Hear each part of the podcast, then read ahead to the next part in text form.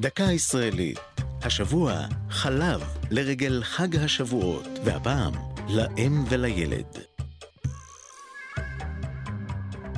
הביקור הראשון בטיפת חלב הוא אחד הטקסים הבולטים בהורות הישראלית. שקילה, בדיקות, חיסונים, כל ילד וילדה בארץ עברו אותם באחד מסניפי המוסד הוותיק.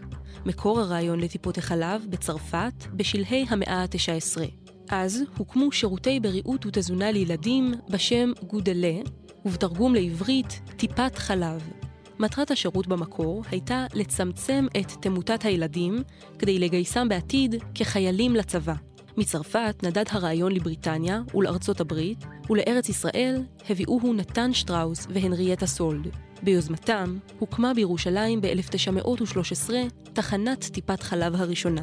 כעבור עשור החלה הסתדרות הנשים הציונית באמריקה, הדסה, להקים רשת תחנות לאם ולילד ברחבי הארץ. סניפים קמו גם בשכונות מוסלמיות ונוצריות, ובכולם הקפידו ללמד את האימהות הצעירות כיצד לטפל בתינוקות וכיצד לשפר את תזונתם.